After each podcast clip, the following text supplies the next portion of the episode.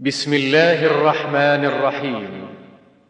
الحمد لله والصلاة والسلام على رسول الله. مكتب الشيخ عبد الكريم الخضير العلمي بالتعاون مع تسجيلات الراية الإسلامية. يقدم شرح الآج الرمية في النحو لفضيلة الشيخ الدكتور عبد الكريم بن عبد الله الخضير. حفظه الله. فمع الشريط الثاني. السلام عليكم ورحمة الله وبركاته. هذا يقول؟ هل الأسماء المصروفة من أسماء الأنبياء والمجموعة في صن شملة؟ هل جميعها ليست أعجمية؟ بمعنى هل هم جميعهم عرب أم أن هناك أسبابا أخرى لصرفها مثل نوح؟ ما في شك بعضها عربي وبعضها أعجمي. لكن الأعجمي إنما صرف لكونه خفيفا. ثلاثي ساكن الوسط. مثل لوط. نعم. مثل نوح. قل هيهات هيهات هل لها معاني غير بعودة؟ هي معناها الاستبعاد. نعم معناها الاستبعاد. في أحد راجع حمص؟ نعم. الدرس الماضي حلناكم على مراجع لحمص وهي الأصل فيها أنها ممنوعة من الصرف فيها ثلاث علل. نعم. وهي كلمة خفيفة ثلاثية ساكنة الوسط. وهل هذا يقاوم علة واحدة أو يقاوم الثلاث كلها؟ إذا كان لا يقاوم إلا علة واحدة يبقى ممنوع من الصرف. يبقى علتان. وإذا كان يقاوم العلل كلها فيكون مصروفا حينئذ. راجعتم ولا ما راجعتم؟ ما في احد راجع؟ ما يصلح بدون مراجعة درس بدون مراجعة. الذي لا يعرف الكتاب إلا وقت الدرس إذا يقول أهل العلم قل أن يفلح. نعم. يحضر للدرس قبل الحضور. هذا يقول لماذا سمي المضارع مضارعا؟ لأنه يضارع الاسم ويماثله. في الإعراب لأنه يضارع الاسم ويماثله في الإعراب.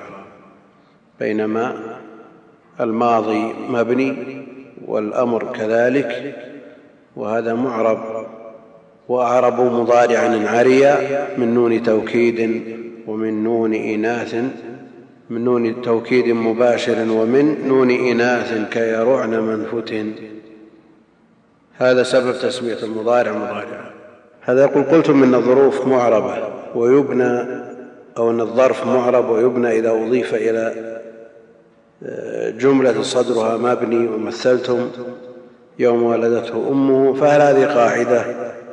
وكيف يندرج تحتها الظروف المبنية دائما؟ الظروف أسماء الظروف أسماء والأصل في الأسماء أنها معربة.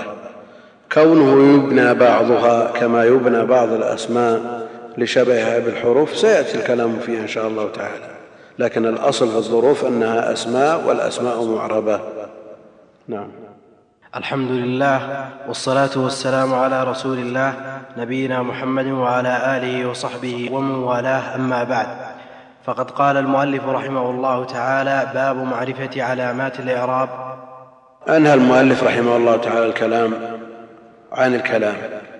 وتعريف الكلام وأقسام الكلام وبما يعرف كل قسم ثم ذكر علامات الإعراب وأن له علامات الإعراب الذي هو التغيير الذي يلحق أواخر الأسماء المعربة وله علامات أربع الرفع والنصب وهما مشتركان بين الأسماء والأفعال. والخفض وهو خاص بالأسماء والجزم وهو خاص بالأفعال. ثم فصل هذه العلامات. فقال باب معرفة علامات الإعراب. والباب الأصل فيه أنه ما يدخل منه ويخرج معه. هذا الأصل فيه الباب المحسوس. ثم استعمل استعمالا عرفيا اصطلاحا عرفيا في المسائل فيما يضم مسائل علمية ويدخل تحته فصول في الغالب استعمالا عرفيا اصطلاحيا وبكثرة حتى صار عرفا خاصا عند أهل العلم. وإطلاقه من باب الحقيقة لا من باب المجاز كما يقولون. بل هو حقيقة عرفية. باب معرفة المعرفة. بعضهم يقول هي العلم وبعضهم يفرق بين العلم والمعرفة. ويجعلون المعرفة معرفة الجزئيات والعلم معرفة الكليات. معرفة الجزئيات يسمونها معرفة والكليات معرفتها علم. لكن يرد على هذا أن الله جل وعلا عالم ومتصف بصفة العلم وعلمه بالجزئيات كعلمه بالكليات خلافا للفلاسفة. يفرق بعضهم بين العلم والمعرفة من جهة أخرى وهي أن المعرفة لا تستلزم أو المعرفة تستلزم سبق الجهل بخلاف العلم فإنه لا يستلزم سبق الجهل. ولذا يوصف الله جل وعلا بالعلم ولا يوصف بالمعرفه باب معرفة العلامات. العلامات إن كان المقصود تعداد هذه العلامات فقد عرفناها سابقا. وإن كان المقصود التعريف بكل علامة من هذه العلامات فلم نعرفها ولن نعرفها من خلال الباب المعقود لذلك. يعني تعريف العلامات الأربع بالحد ما حصل. لكن تعريف هذه العلامات بالتقسيم حصل. وقد يحصل التعريف كما هو الأصل بالحد المبين للمعرف الجامع المانع كما يحصل بالتقسيم الحاصر. ولذا عرف النبي عليه الصلاة والسلام الإسلام بأركانه وعرف الإيمان بأركانه. وهنا عرف هذه العلامات بالتقسيم الحاصر لكل علامة من هذه العلامات.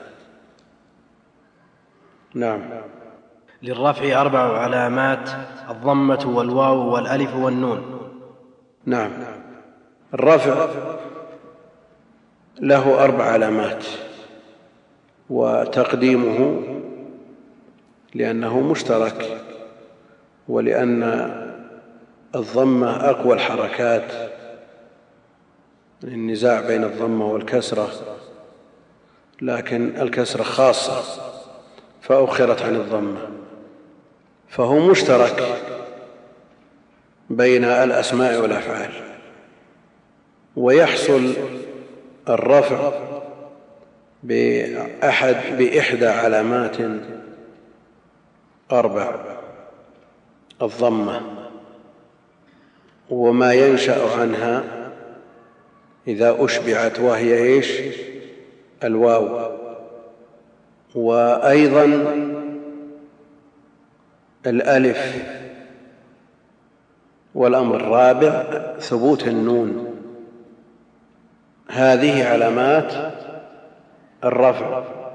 الضمة وهي الأصل وما ينشأ عنها إذا أشبعت وهو الواو وأخت هذه الواو وهي إيش؟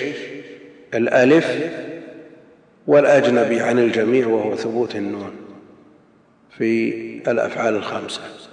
ويفصل هذه الأربع فالضمة تكون علامة للرفع في مواضع والواو كذلك والألف كذلك والنون كذلك.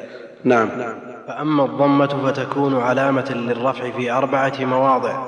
في الاسم المفرد وجمع التكسير وجمع المؤنث السالم والفعل المضارع الذي لم يتصل بآخره شيء.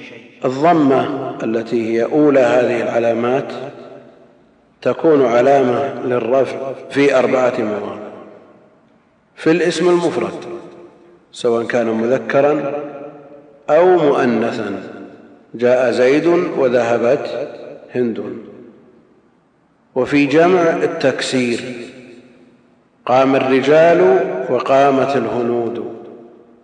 وفي جمع المؤنث السالم جاء الهندات ونجح المجتهدات. وفي الفعل المضارع الذي لم يتصل بآخره شيء يذهب زيد إلى المدرسة. يذهب زيد إلى المدرسة.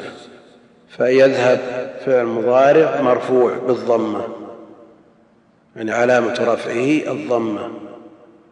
ما الذي رفع الفعل المضارع؟ نعم.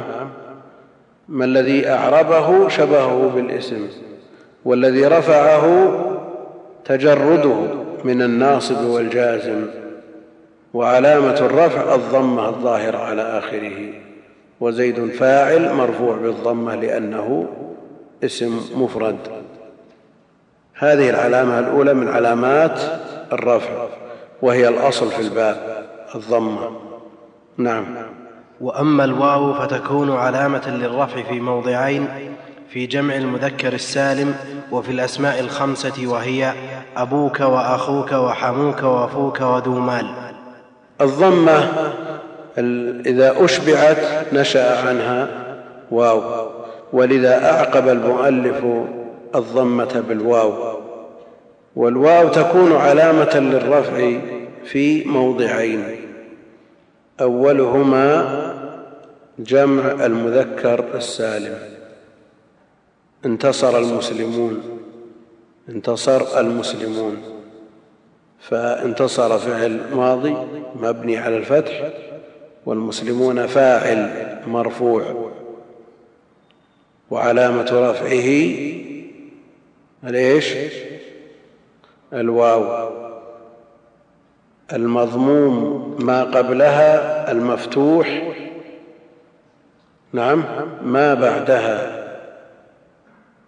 الواو المضموم ما قبلها. للمناسبة المفتوح ما بعدها. ونون مجموع وما به التحق فافتح. وقل من بكسره نطق. الواو تكون علامة للرفع في الأسماء الخمسة وهي أبوك وأخوك وحموك وفوك وذو مال. هذه الأسماء الخمسة.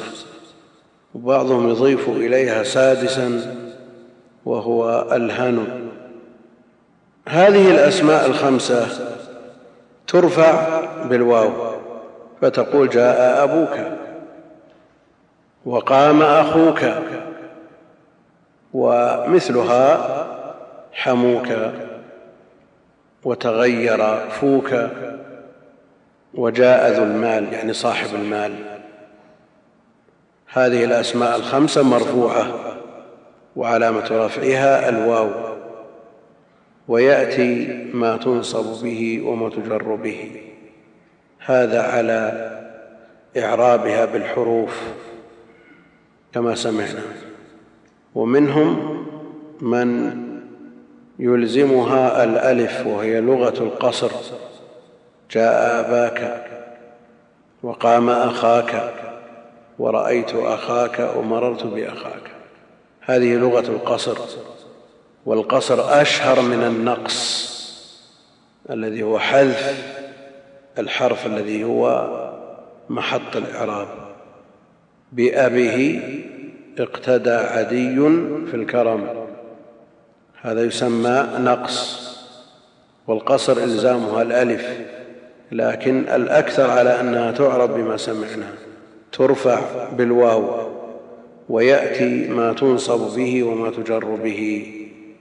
وهذه الأسماء الخمسة. هو الموضع الثاني من الموضعين اللذين علامة رفعهما الواو. نعم. لا ما يلزم. ذو كتاب صاحب كتاب ذو شرف. هم انهم ذو مال هذه أقرب مثال عندهم وأوضح مثال. المقصود بها صاحب. لا لا لا لا مجرد تمثيل. من ذاك ذو إن صحبة أبانا والفم حيث الميم منه بان. نعم.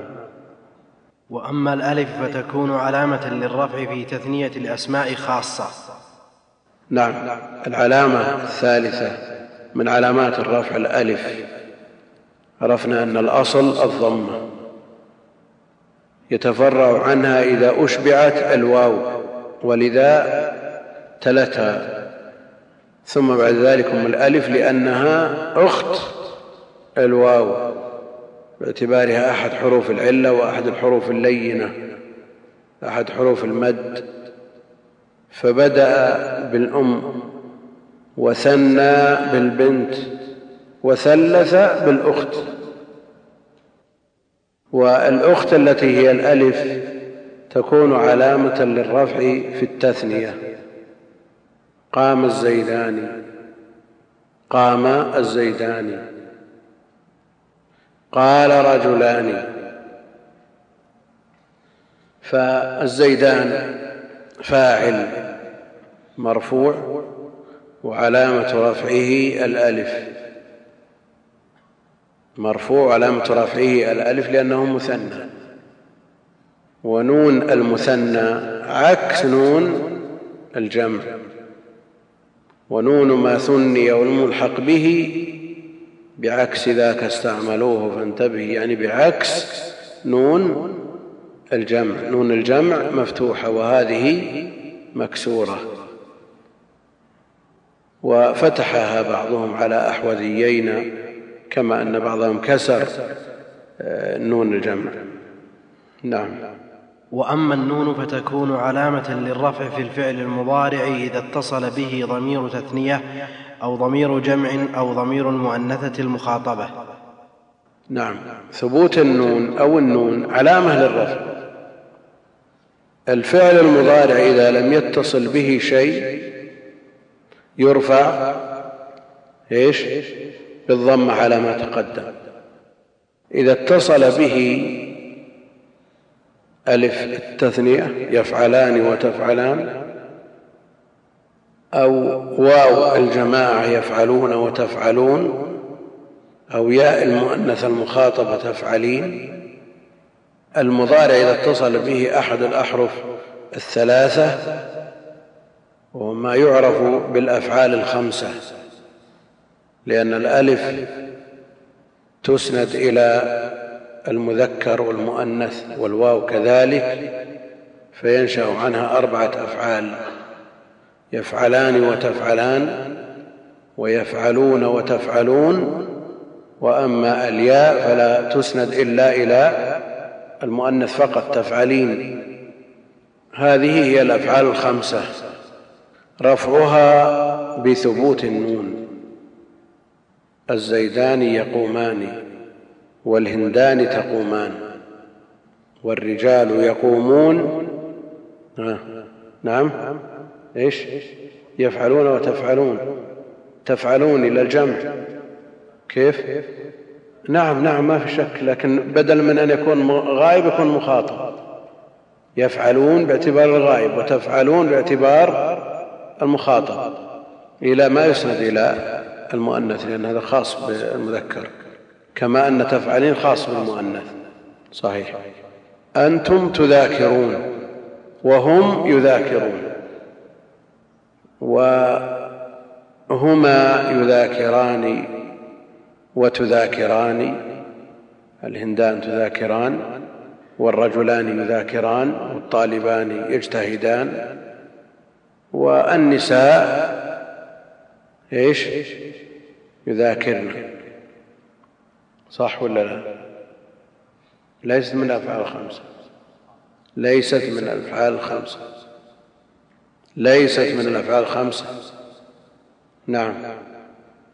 مخاطبة. تذاكرين.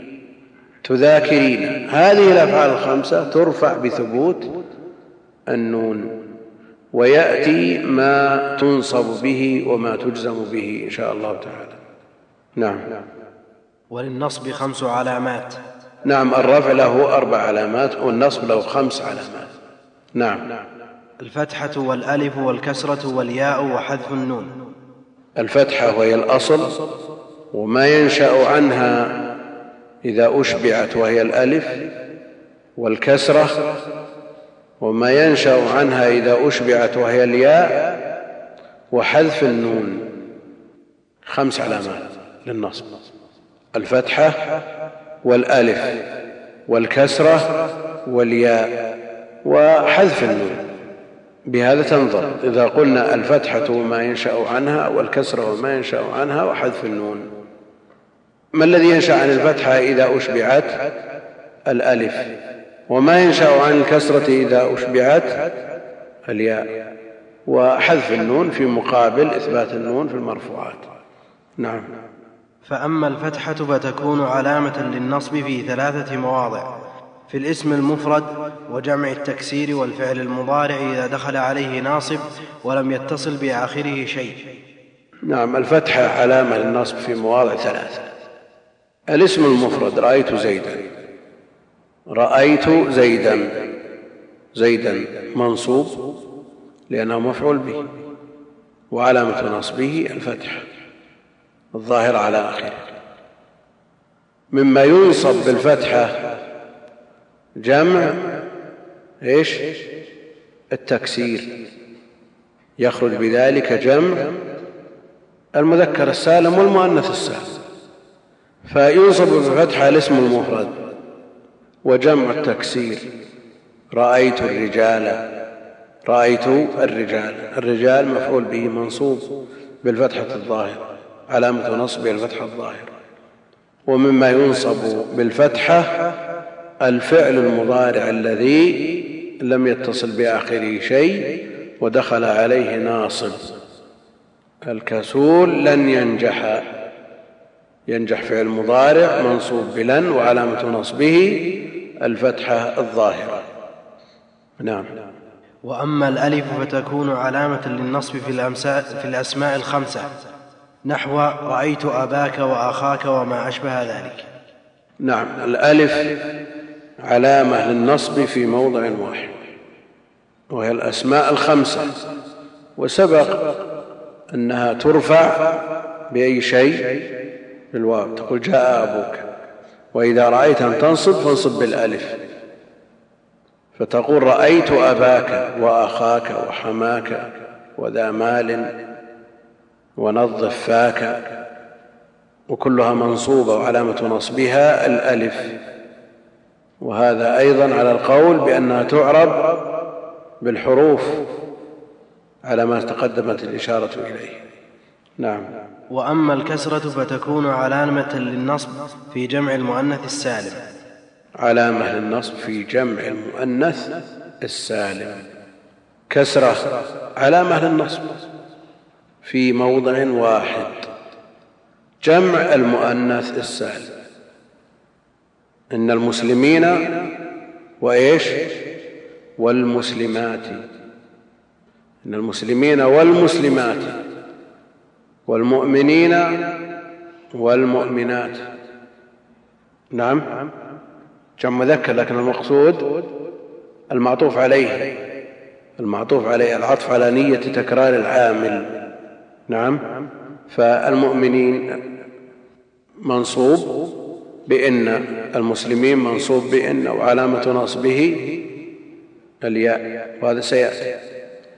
المسلمات معطوف على منصوب وعلامة نصبه الكسرة لأنه جمع مؤنث سالم والكسرة علامة نصب أصلية ولا فرعية؟ فرعية نيابة عن الفتح. نعم نيابة عن الفتح. الألف فرعية نيابة عن الفتح. الياء الرابعة فرعية نيابة عن لأن الأصل في الباب الفتح. نعم. وأما الياء فتكون علامة للنصب بالتثنية والجمع. الياء علامة للنصب في موضعين. التثنية. رأيت الرجلين. رأيت الرجلين. رأيت فعل وفاعل والرجلين مفعول به منصوب وعلامة نصبه الياء لأنه مثنى وكذلك الجمع جمع المذكر السالم. جمع المذكر السالم. مثل ما تقدم إن المسلمين والمسلمات إن المسلمين إن حرف توكيد ونصب والمسلمين اسمها منصوب وعلامة نصبه الياء لأنه جمع مذكر سالم. ومثله المؤمنين. نعم. وأما حذف النون فيكون علامة للنصب في الأفعال التي رفعها بثبات النون. حذف النون علامة للنصب في الأفعال الخمسة التي رفعها بثبات النون. الرجلان لن يقوما. رجلان لن يقوما. وأنتما لن تخسرا. نعم. كلاهما منصوب بلن وعلامة النصب حذف النون. والرجال لن يقوموا وأنتم لن تخسروا ولن تراعوا. كما جاء في الحديث لن تراعوا. وهي أيضا منصوبة بلن وعلامة نصبها حذف النون. والفعل الخامس لن تنجحي. هذا يوجه للمهملة. لن تنجحي. منصوب بلن وعلامة نصبه حذف النون لأنه من الأفعال الخمسة. نعم. وللخفض ثلاث علامات الكسرة والياء والفتحة. نعم نعم. في الواو في الواو في الواو. إيه نعم إذا كانت واو جمع يأتي بعدها. نعم. نعم. وللخفض ثلاث علامات الكسرة والياء والفتحة للخفض ثلاث علامات الكسرة وهي الأصل وما ينشأ عنها إذا أشبعت وهي الياء والفتحة نعم. فأما الكسرة فتكون علامة للخفض في ثلاثة مواضع في الاسم المفرد المنصرف وجمع التكسير المنصرف وفي جمع المؤنث السالم. الكسرة من علامات الخفض وهي علامة للخفض في ثلاثة مواضع في الاسم المنصرف. الاسم المنصرف يعني المتمكن. المتمكن أمكن. مررت بزيد. مررت فعل وفاعل والباء حرف جر. وزيد مجرور بالباء وعلامة جره الكسرة الظاهرة. جار مجرور متعلق بمررت وأيضا علامة للجر في جمع التكسير. مررت بالرجال سواء كان مذكر أو مؤنث جمع التكسير. تقول مررت بالرجال وبالهنود. مررت فعل وفاعل وبالرجال جار ومجرور متعلق بمررت الباء حرف جر والرجال مجرور بالباء وعلامة جره الكسرة الظاهرة. ومثله الهنود. نعم. وأما الياء فتكون علامة للخفض. لا لا بقي بقي بقي. لأن الكسرة تكون علامة للجر في ثلاثة مواضع. في الاسم المنصرف وجمع التكسير وجمع المؤنث السالم جمع المؤنث السالم جمع المؤنث المكسر علامة جره الكسرة كجمع المذكر المكسر مررت بالرجال وبالهنود لكن جمع المؤنث السالم مررت بالهندات بالهندات الهندات مجرور بالباء وعلامة جره الكسرة. انتهينا من الكسرة. بقي ما ينشأ عنها إذا أشبعت وهي الياء. الياء علامة للجر في نعم. وأما الياء فتكون علامة للخفض في ثلاثة مواضع. ويستعمل الخفض. يستعمل الخفض. ومن مالك يستعمل الجر. الخفض أسلوب كوفي. ولذا يقول أهل العلم أن هذه المقدمة ألفت على مذهب الكوفيين بينما ابن مالك ألفيته على مذهب البصريين. نعم. وأما وأما الياء فتكون علامة للخفض في ثلاثة مواضع في الأسماء الخمسة وفي التثنية والجمع. نعم. الياء علامة للخفض وهو الجر في ثلاثة مواضع. في الأسماء الخمسة مررت بأبيك وأخيك مررت فعل وفاعل والباء حرف جر وأبيك اسم مجرور بالباء وعلامة جره الياء لأنه من الأسماء الخمسة وفي حكمه بقية هذه الأسماء والياء علامة للخفض وإن شئت فقل للجر في التثنية مررت بالرجلين مررت فعل وفاعل والباء حرف جر والرجلين مجرور بالباء وعلامة جره الياء. وفي الجمع جمع المذكر السالم. مررت بإيش؟ بالمسلمين. وأنت واحد منهم. نعم. مررت بالمسلمين. مررت فعل وفاعل والباء حرف جر والمسلمين اسم مجرور بالباء وعلامة جره الياء لأنه جمع مذكر سالم نعم. وأما الفتحة فتكون علامة إيه، ذكرنا سابقا أن جمع المؤنث السالم ينصب بالكسرة. ينصب بالكسرة. خلق الله السماوات. خلق الله السماوات. من يعرف السماوات؟ نعم. إيه. طيب. قولا واحدا مفعول به. قول واحد مفعول به. نعم. وهو الخلق. وقع عليها ولا وقع بها؟ لا. نعم. هذا إذا قلنا أنه مفعول به. صحيح. المفعول به هو الذي يقع عليه فعل الفاعل. ضرب زيد عمرا عمر مفعول به لأنه وقع عليه الضرب. الآن المفعول به الذي يقع عليه فعل الفاعل يشترط أن يكون موجودا أو غير موجود. يعني مثل هذه الفائدة خص بها المتقدمون اللازم ما له مفعول. اللازم ما له مفعول منتهينا الكلام في الفعل المتعدي. مثل هنا يعني هل هذا وقع عليه فعل؟ وقع عليها ولا ما وقع؟ يعني كانت السماوات موجودة ففعل بها ما فعل أو كانت معدومة فأوجدت. أنا أريد أن أقرر أنه ليس قولا واحدا مفعول به. منهم من يقول مفعول مطلق. مفعول مطلق. اي يعني خلق الله خلقا هو السماء. واضح ولا مو يعني ما تحس إن هناك فرق بين ضرب زيد عمرا وخلق الله السماوات؟ تحس بفرق ولا ما تحس بفرق؟ المقصود المثال الذي معنا. إحنا نقصد المثال الذي معنا. صنع زيد خبزا.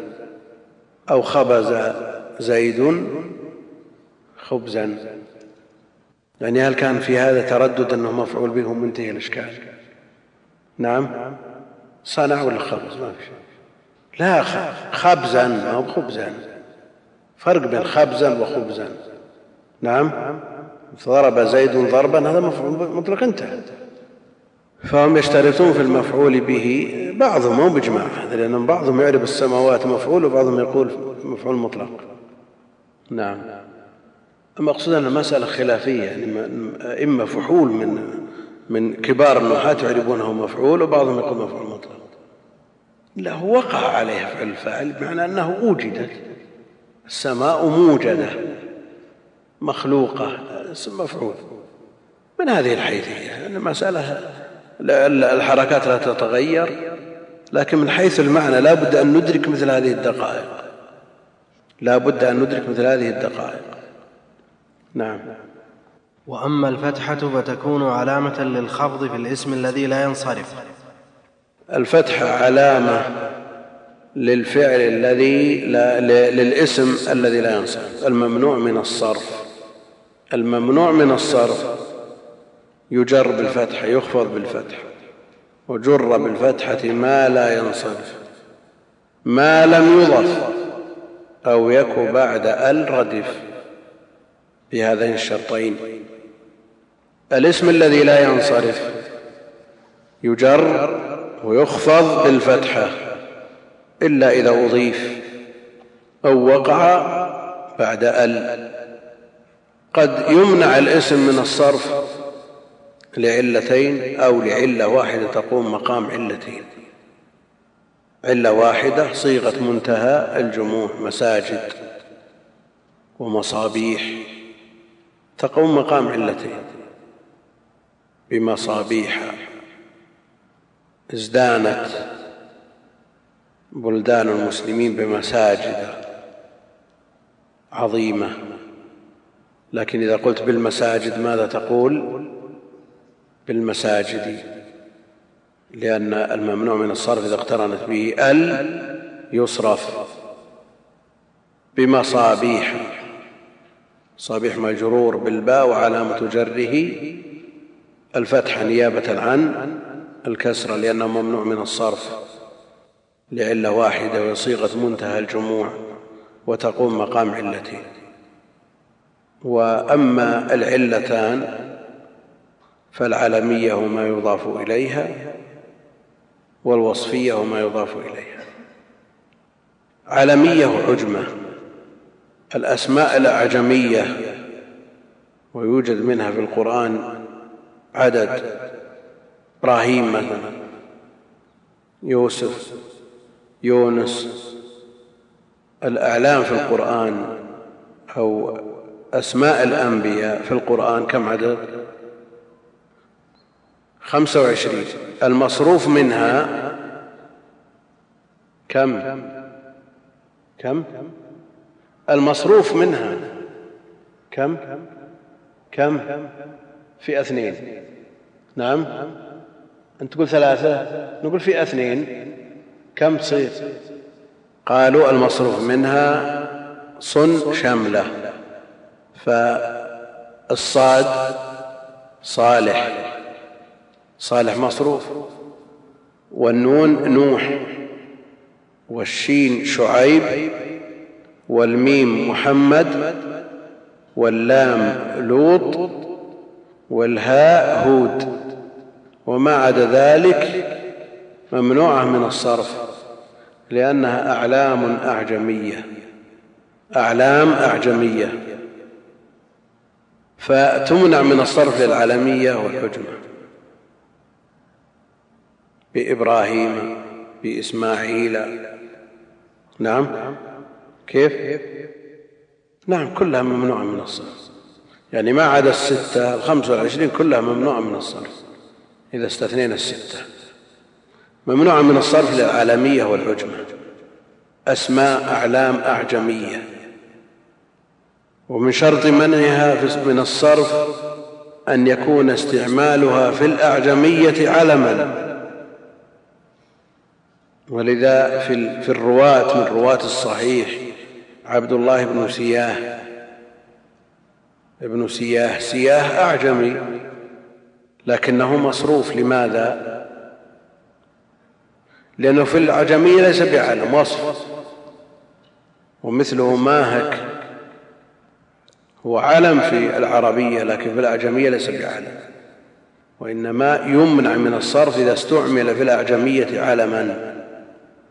فإذا اجتمعت العلمية مع العجمة أو العلمية مع التأنيث فاطمة خديجة مررت بفاطمة بخديجة نعم علمية وتأنيث إذا اجتمعت العلمية مع التأنيث مع العجمة مثل إيش؟ يعني صار في ثلاث علل. حمص مثلا علمية وتأنيث وعجمة تمنع من الصرف ولا ما تمنع؟ نعم. ممنوع ولا غير ممنوع؟ هذا يقول هل الأفضل بعد الأذان البقاء في الحلقة أو الذهاب إلى الصف الأول؟ لا شك أن تحصيل العلم وإدراك العلم أفضل من نوافل العبادات كلها.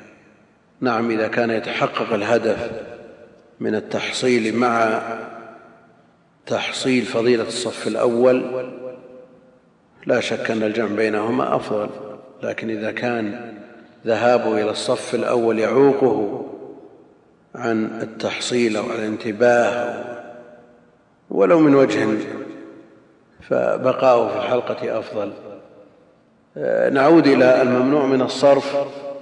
عرفنا ما يمنع لعلة تقوم مقام علتين و ومنها ما اشتمل على علتين العلة الواحدة لا تكفي العالمية لا تكفي العجمية لا تكفي إذا لم يستعمل علما وعرفنا هذا. إذا اجتمع ثلاث علل مثل حمص يمنع من الصرف ولا ما يمنع؟ لماذا؟ بحمص ولا بحمص؟ نعم. أولا عندنا ما يمنع من الصرف لعلتين العالمية والتأنيث كهند. نعم مصروف. لماذا؟ كيف؟ لأنه ثلاثي ساكن الوسط. ثلاثي ساكن الوسط. ليت هندا. ثلاثي ساكن الوسط. فيصرف. حمص ثلاثي ساكن الوسط. يصرف ولا ما يصرف؟ هل نقول كون ثلاثي ساكن الوسط تقاوم علة واحدة أو تقاوم جميع العلل؟ ها. كيف؟ يصرف لأن كون ثلاثي ساكن الوسط يقاوم جميع العلل الثلاث؟ أو قل يقاوم علتين يبقى واحدة ما يمنع من الصرف من أجلها؟ حمص ممنوع من الصرف لثلاث علل. كون ثلاثي ساكن الوسط يقاوم علة واحدة أو يقاوم علتين. بمعنى آخر يعني يصرف ولا ما يصرف؟ نعم. يعني كون ثلاثي ساكن الوسط خفف يعني أنهى علة واحدة وبقيت علتان. أو نقول ما في فرق بين حمص وهند. وين؟ هذه علامية وتأنيث وعجمة مجتمعة. مجتمعة ثلاث. أيوة. صحيح. اي لكن كونه ثلاثي ساكن الوسط هل قاوم علتين؟ قاوم العجمة وقاوم التأنيث؟ العالم المؤنث إذا كان ثلاثي ساكن الوسط خفة الوزن هذه تقاوم التأنيث. وإذا كان علم علمية وعجمة فقط كون ثلاثي ساكن الوسط يقاوم آه، العجمة.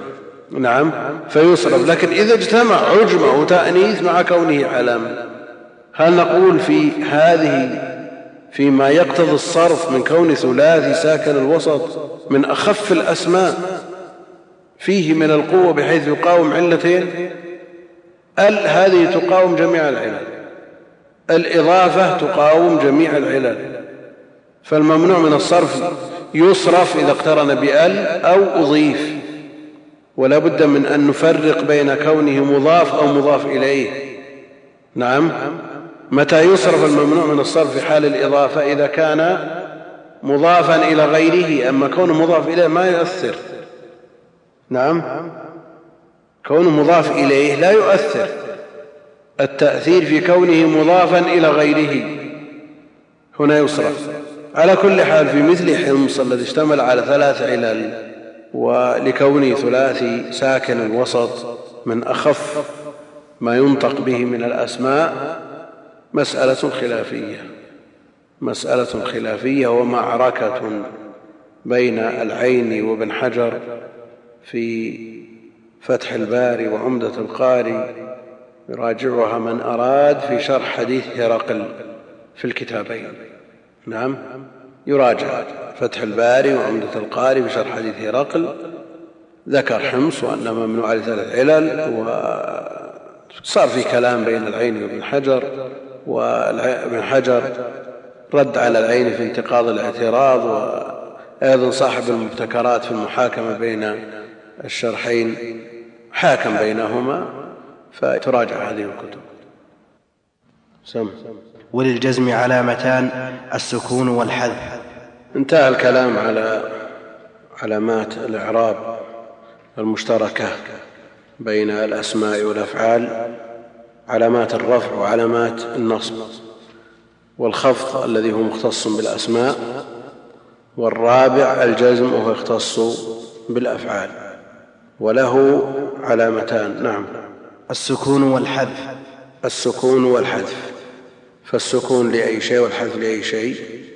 السكون الفعل المضارع إذا دخل عليه جازم ولم يتصل بآخره شيء. صحيح الآخر لم يتصل بآخره شيء. والحذف لمعتل الآخر أو للأفعال الخمسة. نعم. فأما السكون فيكون علامة للجزم في الفعل المضارع الصحيح الآخر. وأما الحذف فيكون علامة للجزم في الفعل المضارع المعتل الآخر وفي الأفعال التي رفعها بثبات النون. الجزم وعرفنا أنه يختص بالأفعال والاسم قد خص بالجر كما قد خصص الفعل بأن ينجزم. الجزم له علامتان السكون وهو الأصل وهو الأصل وهو عدم للحركة. السكون يقابل الحركة ويجزم الفعل المضارع صحيح الآخر غير المعتل ولم يكن من الأمثلة الخمسة. لم يذهب. زيد لم يذهب. زيد لم يذهب. والحذف علامة للجزم في موضعين في الفعل المعتل الآخر بأن يكون آخره حرف علة. زيد لم يرضى. زيد لم يدعو وزيد لم يقضي. فيرضى ويخشى إذا دخلت عليهما أحد حروف الجزم وستأتي حذف حرف العلة الذي هو الألف. وقد يحذف حرف العلة في القرآن. من غير جازم من غير جازم ويدعو الإنسان بدون واو. وليس هناك عامل يؤثر الجزم في الفعل وإنما مراعاة للرسم مراعاة للرسم. يطالب بعض الكتاب العصريين والمطالبة ليست وليدة اليوم صار لها أكثر من نصف قرن بكتابة المصحف على ضوء قواعد الإملاء المعروفة المتبعة. نقول الرسم توقيفي. اتفق عليه الصحابة لا يجوز تغييره بحال ولا التعرض له. لا من حيث العربية وإخضاع القرآن لقواعد البصريين والكوفيين ولا لقواعد الإملاء يبقى كما تصحح القواعد على ضوء ما جاء في كتاب الله جل وعلا لأنه أفصح الكلام. مثل الفعل المعتل بالألف الفعل المعتل بالواو. زيد لم يدعو يدعو فعل مضارع مجزوم بلم وعلامة جزمه حذف حرف العلة. والضمة التي بقيت على العين للدلالة على الحرف المحذوف وزيد لم يقض مثله. الأمثلة الخمسة وقد يقولون الأفعال الخمسة. كما قالوا الأسماء الخمسة يقولون الأفعال الخمسة. وبعضهم يقول صحيح أن نقول الأسماء الخمسة. ولا يصح أن نقول الأفعال الخمسة وإنما نقول الأمثلة الخمسة. ما الفرق بين الأمرين؟ نعم. في هذه الأفعال. وهي مجرد أمثلة. هي مجرد أمثلة وليست أفعال محصورة مثل حصر الأسماء الخمسة. وهي كل فعل مضارع اتصل بآخره. ألف التثنية وواو الجماعة. وياء المؤنث المخاطبة يفعلان وتفعلان. ويفعلون وتفعلون وتفعلين فإذا دخل عليه الجازم جزم به وتكون علامة الجزم حذف النون والرفع بثباتها بثبات النون الرجلان لن لم يقوما لم يقوما والهندان لم تقوما. والرجال لم يقوموا وأنتم لم تقوموا ولم تراجعوا. نعم المثال الخامس وأنت لم تقومي ولن لم تراجعي. انتهى من معرفة علامات الإعراب على سبيل الإيش؟ الإجمال ولا التفصيل؟ إجمالا ولا تفصيلا؟ كيف؟ وش, وش على هذا التفصيل من مزيد؟ يعني إذا قارنا هذا الباب بالباب الذي يليه اقرأ الباب الذي يليه. اقرأ. فصل المعربات قسمان. قسم يعرب بالحركات وقسم يعرب بالحروف. يكفي. قسم يعرب بالحركات وقسم يعرب بالحروف. هذا إجمال بعد التفصيل السابق. يعني هل نحن بحاجة إلى مثل هذا الفصل اللاحق؟ أو أنه كالتلخيص لما تقدم. نعم. يعني ما يعرب بالحركات وما يعرب بالحروف ما تقدم. تقدم تفصيله وهنا يجمل على طريقة المتقدمين. يفصلون ثم يجملون لينحصر الذهن في المجمل بعد أن فهم الكلام المفصل. والمتأخرون يعكسون يجملون ثم بعد ذلك هم يشرحون هذا الكلام المجمل بالكلام المفصل. وفي كل منهما نفع على كل حال لكن الإجمال في أول الأمر يكون فيه شيء من العسر. اللهم إلا إذا كان الشخص يريد أن يختبر قريحته بفهم هذا الكلام المجمل ثم يطبق عليه الكلام المفصل. لكن إذا قرأ الكلام المفصل وفهمه وأحاط به سهل عليه أن يلمه في الكلام المجمل كما فعل المؤلف هنا. قسم يعرب بالحركات وقسم يعرب بالحروف. وهذان القسمان تقدم تفصيلا. نعم. فالذي يعرب بالحركات أربعة أنواع الاسم المفرد وجمع التكسير وجمع المؤنث السالم والفعل المضارع الذي لم يتصل بآخره شيء وكلها ترفع بالضمة وتنصب بالفتحة. هذه الأمور الأربعة تعرب بالحركات. الاسم المفرد جمع التكسير جمع المؤنث السالم. الفعل المضارع الذي لم يتصل بآخره شيء. هذه تعرب بالحركات فترفع بالضمة وتنصب بالفتحة وتجر بالكسرة وتجزم بالسكون. هذا الأصل فيها. يخرج عن هذا الأصل استثناءات يسيرة. فإذا قلت جاء زيد رأيت زيدا مررت بزيد. رفعت زيد بالضمة ونصبته بالفتحة وجررته بالكسرة. وإن شئت فقل خفضته على اصطلاح المؤلف بالكسرة. وإذا قلت زيد لم يذهب جزمته بالسكون. هذا الأصل في الاسم المفرد. يخرج منه إيش؟ نعم. الممنوع من الصرف. فيجر بالفتح. جر بالفتحة ما لا ينصرف. ما لم يضف فتقول جاء أحمد. ورأيت أحمد ومررت بأحمد. فيجر بالفتح. جمع التكسير. جاء الرجال. رأيت الرجال. مررت بالرجال. فترفعه بالضمة وتنصبه بالفتحة وتجره بالكسرة. جمع المؤنث السالم. جاء الهندات. رأيت الهندات مررت بالهندات. فيعرب جمع التكسير بالحركات ويعرب جمع المؤنث السالم بالحركات.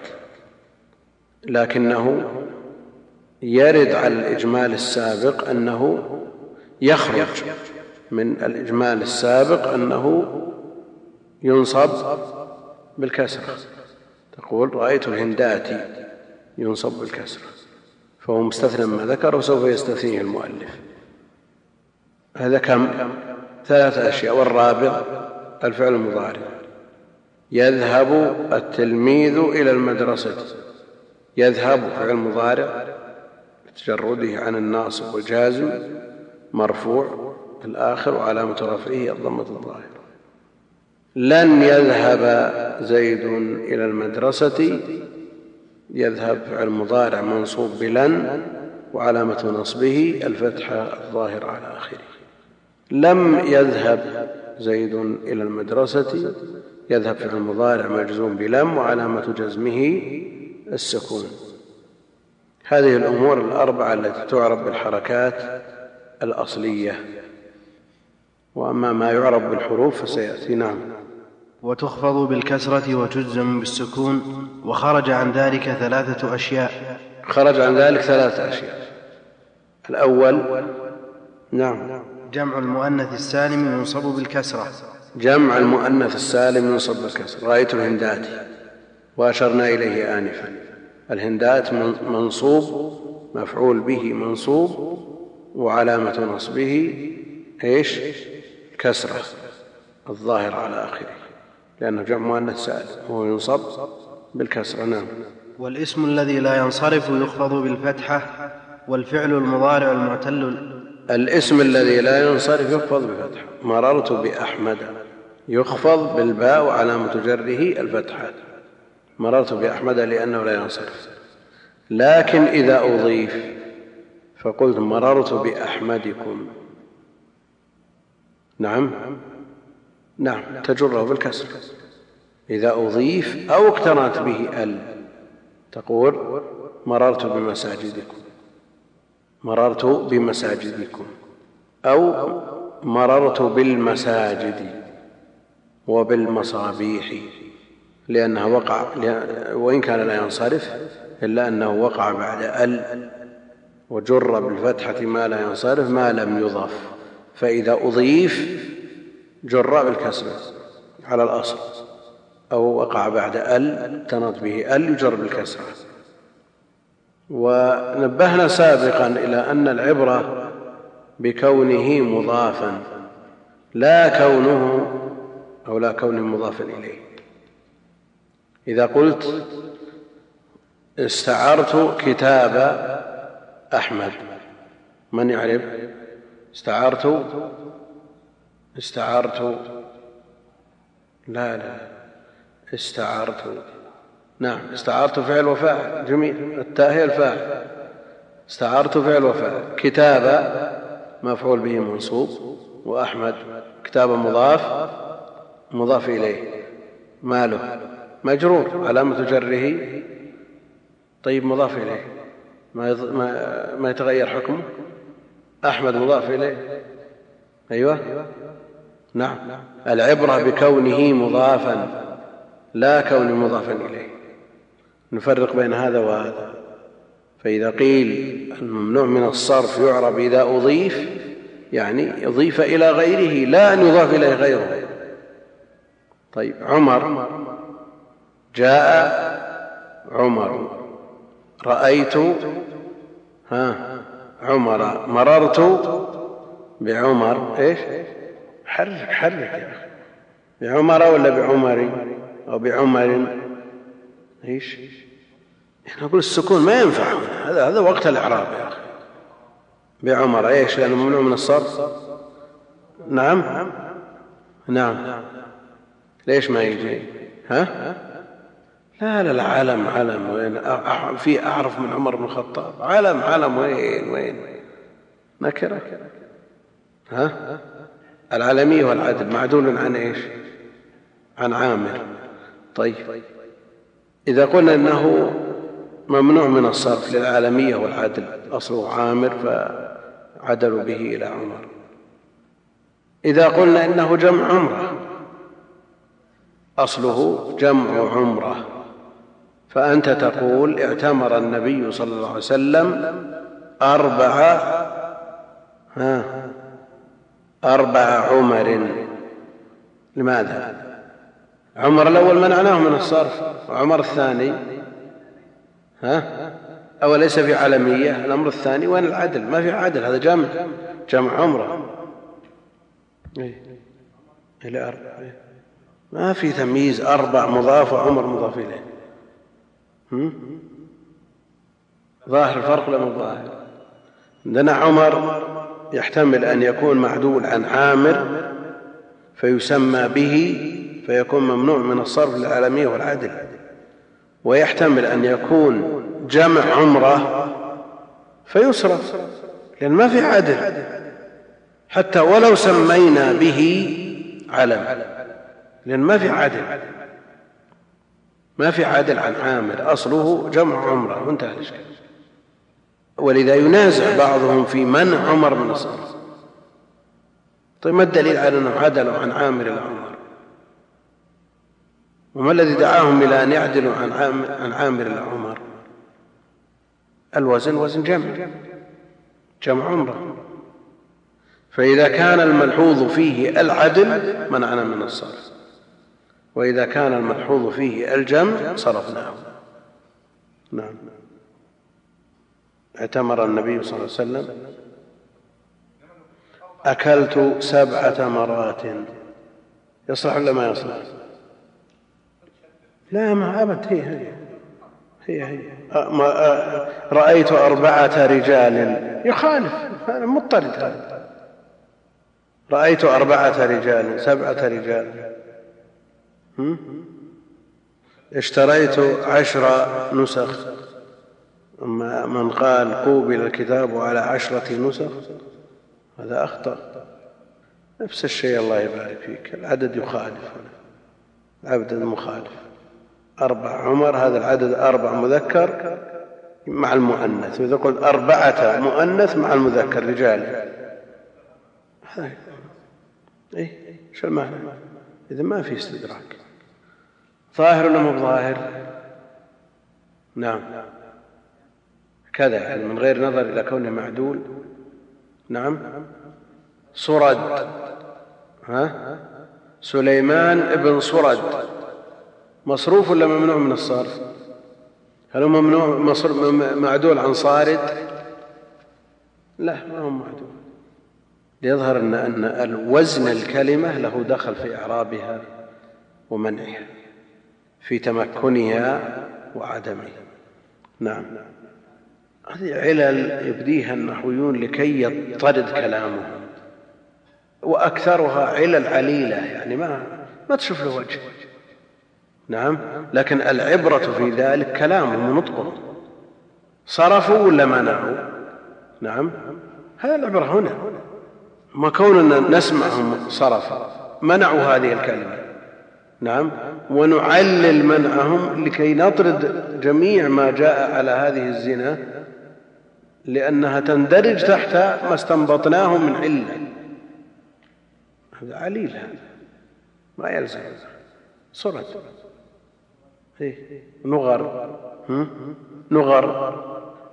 وزفر. نعم.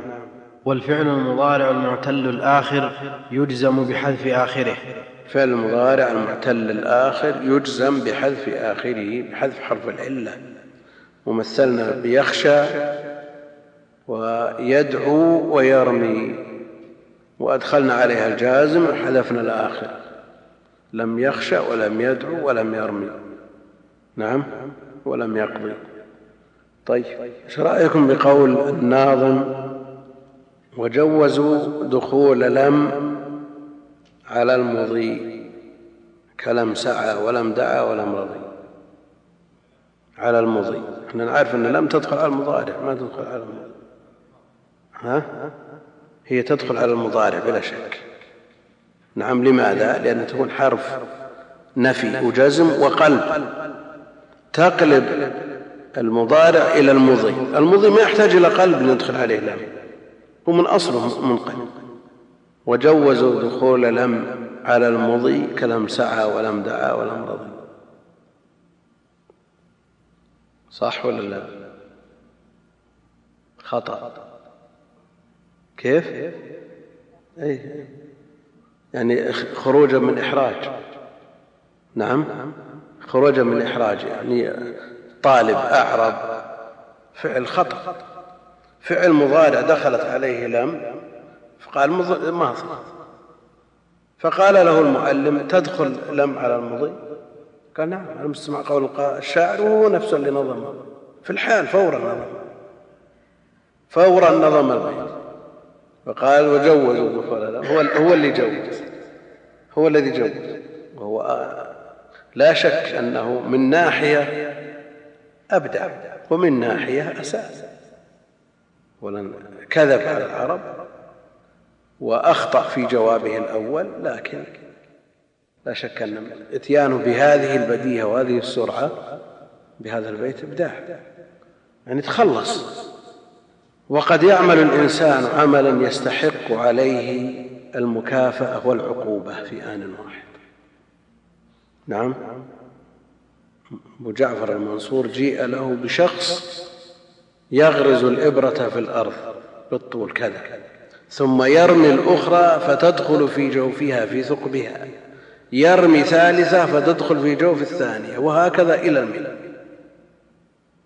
قال أعطوه مئة درهم وأجلدوه مئة جلدة. نعم.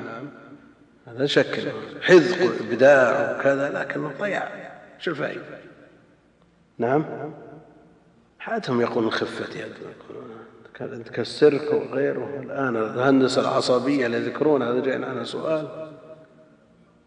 لا ما يلزم ما يلزم. لا لا هذا هذا مدرك سهل يعني ما هو مستحيل. يعني في مقدور البشر يعني في مقدور الرماة الحذاق من الرماة بإمكانك أن تمسك عود الكبريت ويرميه ولا يصيبك بهذا من بعيد.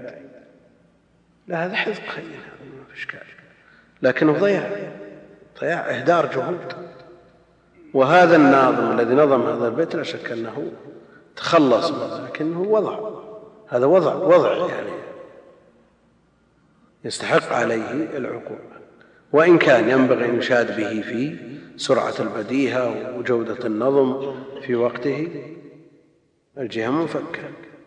والذي يعرب بالحروف أربعة أنواع التثنية وجمع المذكر السالم والأسماء الخمسة والأفعال الخمسة وهي يفعلان وتفعلان ويفعلون وتفعلون وتفعلين.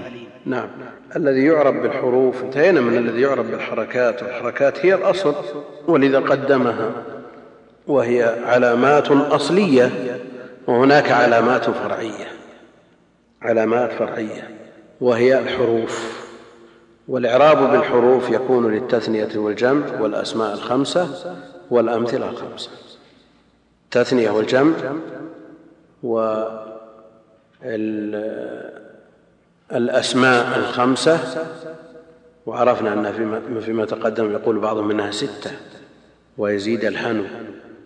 والأمثلة الخمسة التي يقول عنها المؤلف الأفعال الخمسة. وهذا تقدم تفصيله وهنا أجمل. نعم. فأما التثنية فترفع بالألف وتنصب وتخفض بالياء. قد يقول قائل الفصل كله تكرار لا حاجة له. الإنسان بصدد أن يختصر ويعتصر. ليخف الحجم ويتقل الحروف. نقول تقليب العلم على وجوه لا شك أنه يفيد الطالب. ولذا يضعون للمتعلمين يصنفون المتعلمين إلى طبقات. وكل طبقة لها كتب. وكتب الطبقة الثانية يتكرر فيها ما جاء في كتب الطبقة الأولى. ما يقول هذا تكرار. فمثلا المبتدئ لهم كتب. مثل هذا الكتاب الذي معنا. الطبقة التي تليهم لهم كتب منها القطر. وفيها ما في هذا الكتاب. ما يقال هذا تكرار لا, لا نأخذ إلا الزوائد. لا. يعني تكرار العلم وتقليبه على أكثر من وجه مقصود لأهل العلم لأنه يثبت بهذه الطريقة. أما ما يسلك الآن في بعض الجهات العلمية من حذف الأبواب التي مرت في العلوم الأخرى فمثلا يقتصرون في الفقه على أبواب وفي الحديث على أبواب بحيث لا تتكرر. شو المانع أن يتكرر كتاب الطهارة في الفقه والحديث ويتكامل العلمان هذا الأصل. ولذا كل هذا الكلام الذي ذكره المؤلف تقدم. لكنه جاء به على وجه آخر ليتم ضبطه. ليتم ضبطه بحيث لا يمل طالب العلم. يعني لو جاء جيء به على هيئة واحدة مل طالب العلم لكن الإتيان به على أكثر من وجه بحيث يفهمه من غير ملل هذه طريقة هذا منهج أسلوب لأهل العلم. وبعض الناس يطالب أنه إذا شرح كتاب في فن خلاص يكفي. نقول لا يكفي لو شو المانع أن يشرح أكثر من كتاب في فن واحد. وفي كل كتاب ما يميزه عن الآخر. كتاب المختصر كون اللبنة الأولى والذي يليه يضيف لبنات إليه. ولذا لو تقرؤون في متممة هذا الكتاب متممة الأجرمية نعم تجدون نص الكتاب هذا موجود هناك. مع أنه زيد فيه مباحث في كل باب. جرت عادتهم بأن تقرأ الرومية في أول الأمر. بعض الجهات المتممة بعدها وبعضهم بدل المتممة القطر فيه زيادات. وبعض بعد القطر الألفية. وبعض الجهات الملح وبعضها بالحاجة المقصود أنهم يكررون العلم الواحد مرارا لكي يثبت. وهنا في الكتاب الصغير كرر المعلومات مرارا في موضعين متجاورين ليثبت هذا هذه تثبت هذه المعلومات. نعم. وأما جمع المذكر السالم فيرفع بالواو وينصب ويخفض بالياء. نعم المثنى يرفع بالألف وينصب ويجر بالياء. جاء الزيدان ورأيت الزيدين ومررت بالزيدين. المفتوح ما قبلها المكسور ما بعدها. وبعضهم يلزم المثنى الألف. يعني باستمرار الألف. كيف؟ بعض العرب يلزم المثنى الألف. وعليه قراءة إن هذان لساحران لا وتران في ليلة. هذا على من لغة من يلزم المثنى الألف. لكن على قراءة التخفيف إن هذان إيش يصير؟ لأن مخفف من الثقيلة إن. وإذا خففت إن ماذا يكون لها؟ يقل العمل قد تعمل لكنه على قلة. وخففت إن فقل العمل. نعم؟ وخففت إن فقل العمل. فهو من الكثير لما خففت ما عملت. وقد تعمل رأيت الزيدين ومررت بالزيدين أعرابها كما مر. والجمع المذكر السالم جاء المسلمون ورأيت المسلمين ومررت بالمسلمين. فرفعها بالواو ونصبها وجرها بالياء. كالتثنية. لكن الفرق بين التثنية والجمع أن النون في التثنية مكسورة والنون في الجمع مفتوحة ونون مجموع وما به التحق فافتح وقل من بكسره نطق. وقد جاوزت حد الأربعين. ونون ما ثني والملحق به فاكسر بعكس ذاك. ونون ما ثني والملحق به بعكس ذاك استعملوه فانتبه. بعكس ذاك استعملوه فانتبه. نعم. وأما الأسماء الخمسة فترفع بالواو وتنصب بالألف وتخفض. إيش الثالث؟ مثل الثالث قضينا من المثنى والجمع. نعم. الثالث الأسماء الخمسة. نعم. وأما الأسماء الخمسة فترفع بالواو وتنصب بالألف وتخفض بالياء. هذا. إعرابها بالحروف ترفع بالواو جاء أبوك وأخوك وحموك وأبوك وذو مال. نعم. وتنصب بالألف رأيت أباك وأخاك وحماك وتجر بالياء. مررت بأخيك بأبيك وأخيك إلى آخره. وتجزم بأي شيء. نعم. يعني هنا ما في جزم. لأنها اسماء صحيح. وعرفنا سابقا أن هذه الأسماء الخمسة بعضهم يلزمها الألف. إن أباها وأبا أباها. نعم. ومنهم من يعربها بالنقص بأبه. بأبه اقتدى عدي الكرم. نعم. وأما الأفعال الخمسة فترفع بالنون وتنصب وتجزم بحذفها. الأفعال الخمسة شئت فقل الأمثلة الخمسة وهو أدق فترفع بثبوت النون وتنصب وتجزم بحذفها الزيدان أو التلميذان يذهبان إلى المدرسة والتلميذان لن يذهبا إلى المدرسة والتلميذان لم يذهبا إلى المدرسة. فترفع بثبوت النون وتنصب وتجزم بحذفها على ما مر نعم. هم يختلفون في كون الإعراب معنوي أو حسي.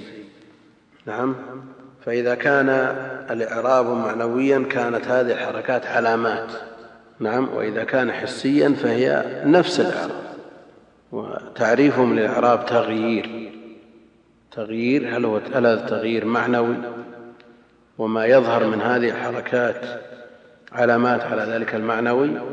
أو أنه حسي بهذه العلامات؟ مسألة خلافية بينهم. الأمر سهل ما في إشكال. باب الأفعال. لما أنهى المؤلف رحمه الله تعالى كلام عن الكلام وأقسامه والإعراب وأقسامه شرع في بيان المعربات. وعرفنا أن الإعراب من أقسام الكلم يتناول الأسماء والأفعال. الأسماء والأفعال وإعراب الأفعال لشبهها. نعم بالأسماء. المعرب من الأفعال لمشابهته الأسماء ولذا سموه مضارع يعني مضارع يشابه فالأولى أن يقدم الكلام على الأسماء الذي هو الأصل ويؤخر ما أعرب من أجل مشابهته الاسم. لكنه قدم الأفعال قدم الأفعال لأن الكلام فيها قليل بالنسبة للكلام في الأسماء. فأراد أن يفرغ من هذا الكلام القليل ليتفرغ لتفصيل ما يتعلق بالأسماء وهو كلام كثير. أما بالنسبة للقسم الثالث وهو الحرف نعم فلا مدخل له في هذا الباب الذي هو الإعراب. نعم. قال باب الأفعال. الأفعال الفرق بين الأفعال والأعمال. لماذا ما قال باب الأعمال؟ ضرب فعل ماضي. لماذا لا نقول عمل؟ ماضي. هم تواطؤوا على هذه الكلمة أفعال وضرب فعل ماض ويضرب فعل مضارع واضرب فعل أمر ولم يقولوا عمل ماضي وعمل مضارع وعمل أمر. نعم؟ أيوه. نعم. لأن الفعل أخص الفعل أخص أخص من العمل. فالعمل يتناول الجوارح والقلوب والتروك أيضا. التروك الا إن قعدنا والنبي يعمل فذاك منا العمل المضلل يسمى ترك العمل مع النبي عليه الصلاة والسلام عمل. الصيام من أفضل الأعمال. المقصود أن العمل أعم من الفعل وإذا كلهم تواطؤوا على كلمة فعل. ولم يقولوا عمل. والتقسيم السابق اللي هو أقسام الكلام تقسيم الكلام إلى اسم وفعل وحرف جاء لمعنى تقدم. إن سببه أو وجه الحصر في هذا التقسيم المبني على الاستقراء التام مرد ذلك إلى أن الكلمة إما أن تفيد معنى في نفسها أو لا تفيد. فإن لم تفد معنى في نفسها فهي الحرف.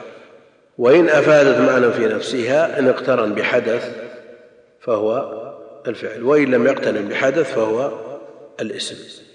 ودرسنا هذا اليوم فيما يفيد معنى في نفسه ويقترن بالحدث. وهو الفعل.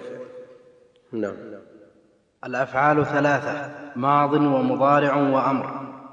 نعم ماضي ومضارع وأمر. ثلاثة هل يمكن أن يوجد رابع؟ نعم ماضي. يعني حصل الفعل في الزمن الماضي لزمن التكلم المتقدم والسابق لزمن التكلم. ضرب زيد عمرو ضرب انتهى هذا الأصل. وإلا قد يأتي الفعل بصيغة الماضي ويراد به المستقبل لتحقق الوقوع. فكأنه واقع كما في قوله جل وعلا أتى أمر الله ولا تستعجل لكن الأصل في الفعل الماضي أنه للحدث الذي مضى وانتهى. حدث مضى وانتهى ضرب زيد هذا الماضي والمضارع هو ما دل على حدث في الحال أو الاستقبال. في الحال والاستقبال. يضرب زيد عمرو. يضربه في الحال الآن أو يضربه مستقبلا. والثالث ما تمحض للمستقبل وهو الأمر. اضرب زيدا. هل يمكن إذا قلت لولدك أو لغلامك أو لمتبوعك. اضرب زيدا يكون قد ضربه وانتهى. نعم. لو قدر أنه ضربه وانتهى وقلت له اضرب زيدا انشا أمر جديد. والحصر في الأفعال الثلاثة مرده الاستقراء ولذا الزمن لا يخلو إما أن يكون قد مضى وإما أن يكون الحال نعم أو في الاستقبال. ما مضى غيب إيش؟ ما مضى فات ما مضى فات والمؤمل غيب ولك الساعة التي أنت فيها. ما في غير الأوقات الثلاثة. لا يمكن أن يأتي أحد بوقت رابع. يعني الماء لما قسمه الماء لما قسمه أهل العلم إلى ثلاثة أقسام ومنهم من قسمه إلى قسمين. نعم؟ طاهر ونجس هذا اللي يقول بأنه قسمين. والثلاث طاهر وطهور ونجس يحتمل رابع نعم. كيف؟ نعم زاد بالرزين المشكوك فيه. المشكوك فيه. لكن بالنسبة للأفعال الثلاثة التي بين أيدينا ما يمكن أن يزاد رابع ابدا.